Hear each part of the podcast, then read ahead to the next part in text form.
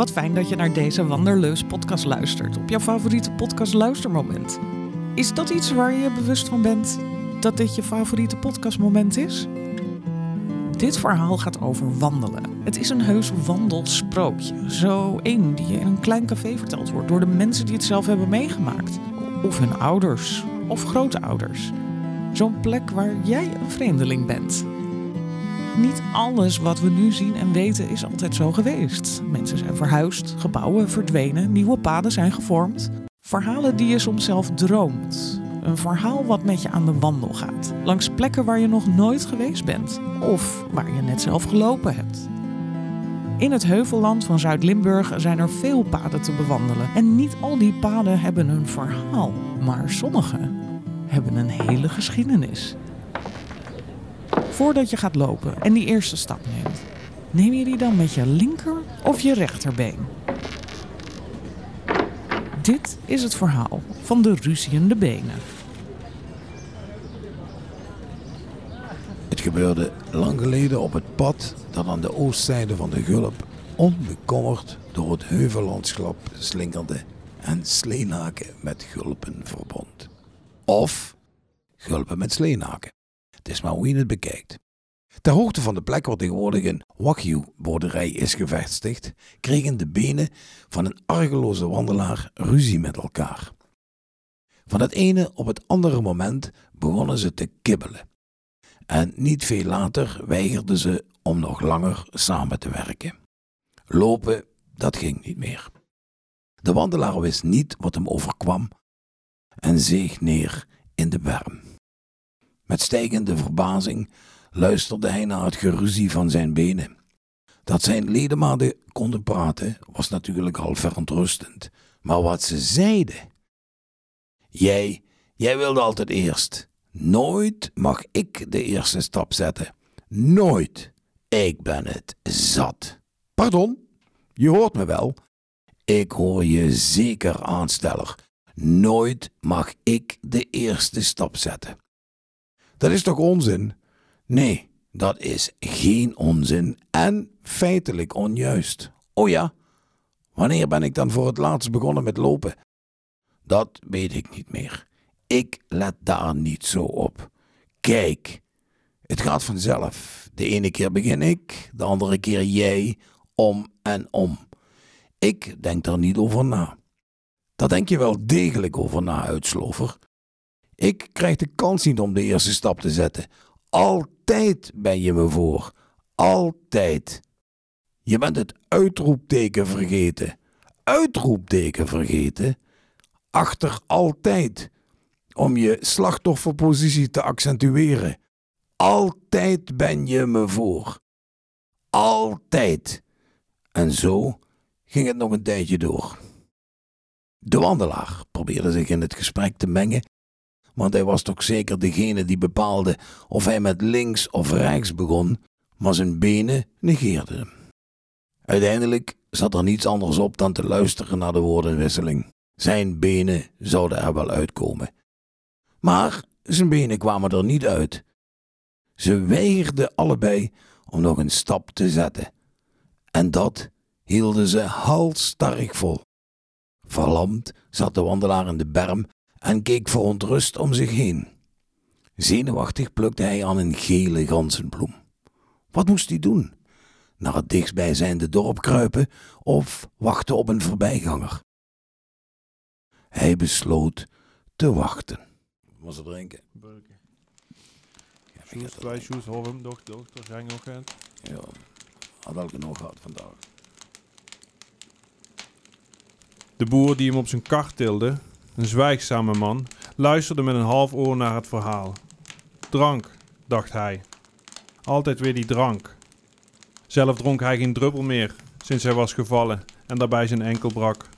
Ook niet op zondag na de mis, wanneer het halve dorp in de herberg aan de jeneversje snipte.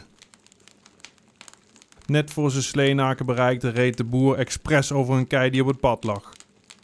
Dat zou die stadse praatjesmaker wel leren. Door de schok viel de verdwaasde wandelaar bijna van de kar. Hij kon zich nog net aan de rand vastgrijpen en schuifelde voorzichtig naar voren. Over de modder die was achtergebleven naar het lossen van de late aardappelen. De man probeerde de situatie te overzien. Zijn benen zeiden geen woord meer. De mensen zouden vast denken dat hij het gekibbel had verzonnen. Toch zou hij precies vertellen wat er was gebeurd. Dat was het beste. Is er nou? Kijk, kijk, kijk, nu komen, kijk daar. Hans is zo'n wil praten. Dat is ook lief dat we de vrouw afsteken.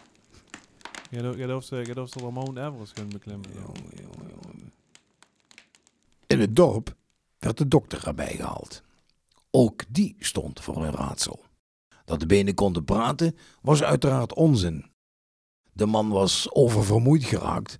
Hij had te lang in de zon gelopen. Echt iets voor stadsmensen. Dat er geen leven meer zat in die slappe ledematen kon hij echter niet verklaren.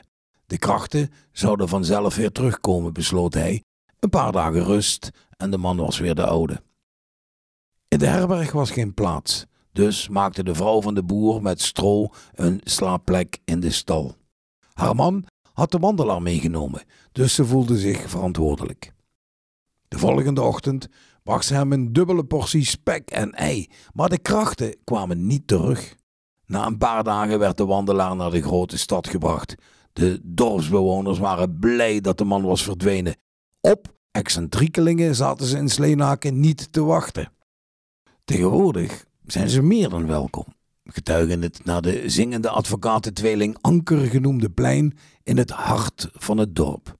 Maar in die tijd had de kleine katholieke gemeenschap genoeg met zichzelf te stellen. Zo excentriek bleek de wandelaar echter niet te zijn. Want niet veel later gebeurde het opnieuw. En weer op dezelfde plek.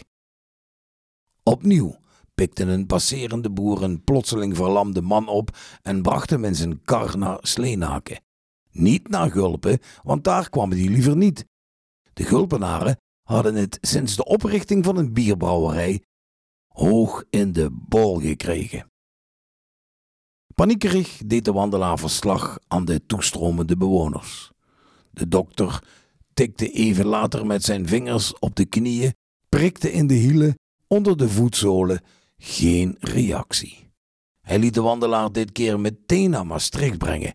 Het was beter dat de dorpsbewoners het incident zo snel mogelijk zouden vergeten. Na het derde voorval. Een wandelaar beweerde huilend dat zijn benen hardop ruzie maakten. Echt waar, ik verzin het niet. Ik ben geen leugenaar. Was het duidelijk dat er iets niet klopte. De burgemeester, de pastoor en de veldwachter overlegden wat te doen. Wat allemaal snap ik. Heb ik helemaal niks meer met. Ja, dat zal wel. Die, op Nu moet je weten dat op de plek waar de drie wandelaars hun onheil ontmoetten een vakwerkhuisje stond. Enigszins verscholen in de bossen, vanaf het zandpad was het nauwelijks te zien. In dat huisje woonde een echtpaar. Beminnelijke mensen, harde werkers. Ze konden echter geen kinderen krijgen. Hoe vaak ze zich ook verenigden en hoe vaak ze ook naar de kerk gingen om te bidden voor nageslacht. Er kwam geen baby. Dat beviel de dorpsbewoners allerminst. Een echtpaar hoorde kinderen te krijgen, zoveel mogelijk.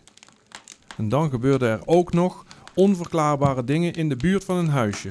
De inwoners van Sleenaken bekeken de man en een vrouw met wassende argwaan. Die hebben dat gehoord. Ja, ja. Man, man, man. Ze dat dan doen? Al snel werd er een relatie gelegd tussen de levenloze benen van de wandelaars en het kinderloze echtpaar. Was er misschien sprake van een duivelse vloek? Of lag het aan de plek? Was er iets aan de hand met de grond? Vrijkomende dampen? De burgemeester, de pastoor en de veldwachter onderzochten het vakwerkhuisje en de nabije omgeving zorgvuldig. Overdag en s'nachts, je weet nooit welke krachten wanneer actief zijn. En ze vonden echter niets. Al oogde de balkstructuur van het huisje wat instabiel en was het vlechtwerk wel erg nonchalant aangebracht. Maar die konden de oorzaak niet zijn van de vreemde gebeurtenissen. Voor de zekerheid werd het huisje toch afgebroken. Het echtpaar verhuisde noodgedwongen naar Noorbeek om een nieuwe start te maken. En kreeg uiteindelijk vier kinderen, van wie er drie goed terechtkwamen. De vierde Nee, over de vierde kunnen we het beter niet hebben. Misschien een andere keer. Het is nogal een uh, luguber verhaal. Op de plek van het afgebroken vakwerkhuisje verrees uiteindelijk een bescheiden boerderij. De zaken gingen lange tijd moeizaam totdat een agrarische ondernemer besloot om alleen nog maar te werken met zuivere Japanse bloedlijnen. Het bedrijf groeide uit tot een succesvolle fokkerij. Sindsdien lijkt er opnieuw een vloek op de plek te zijn neergedaald, al doen gevallen van plotselinge verlamming zich niet meer voor. Wellicht is het toeval of inbeelding, maar veel wandelaars die de fokkerij passeren krijgen last van verwarrende dwanggedachten. Welk been gaat bij het lopen eigenlijk het eerst naar voren? Links. Rechts? Nee, links. O, of toch rechts? Links. Rechts. Links. Rechts. Links. Rechts. Links. Links. Links. Links. Rechts. Niet te lang blijven nadenken hè, over dat links en rechts. De volgende keer als je gaat wandelen met een sprookje op, kijk dan goed om je heen en bedenk wat er allemaal gebeurd zou kunnen zijn op je favoriete wandelroute. Wil je meer wandelsprookjes?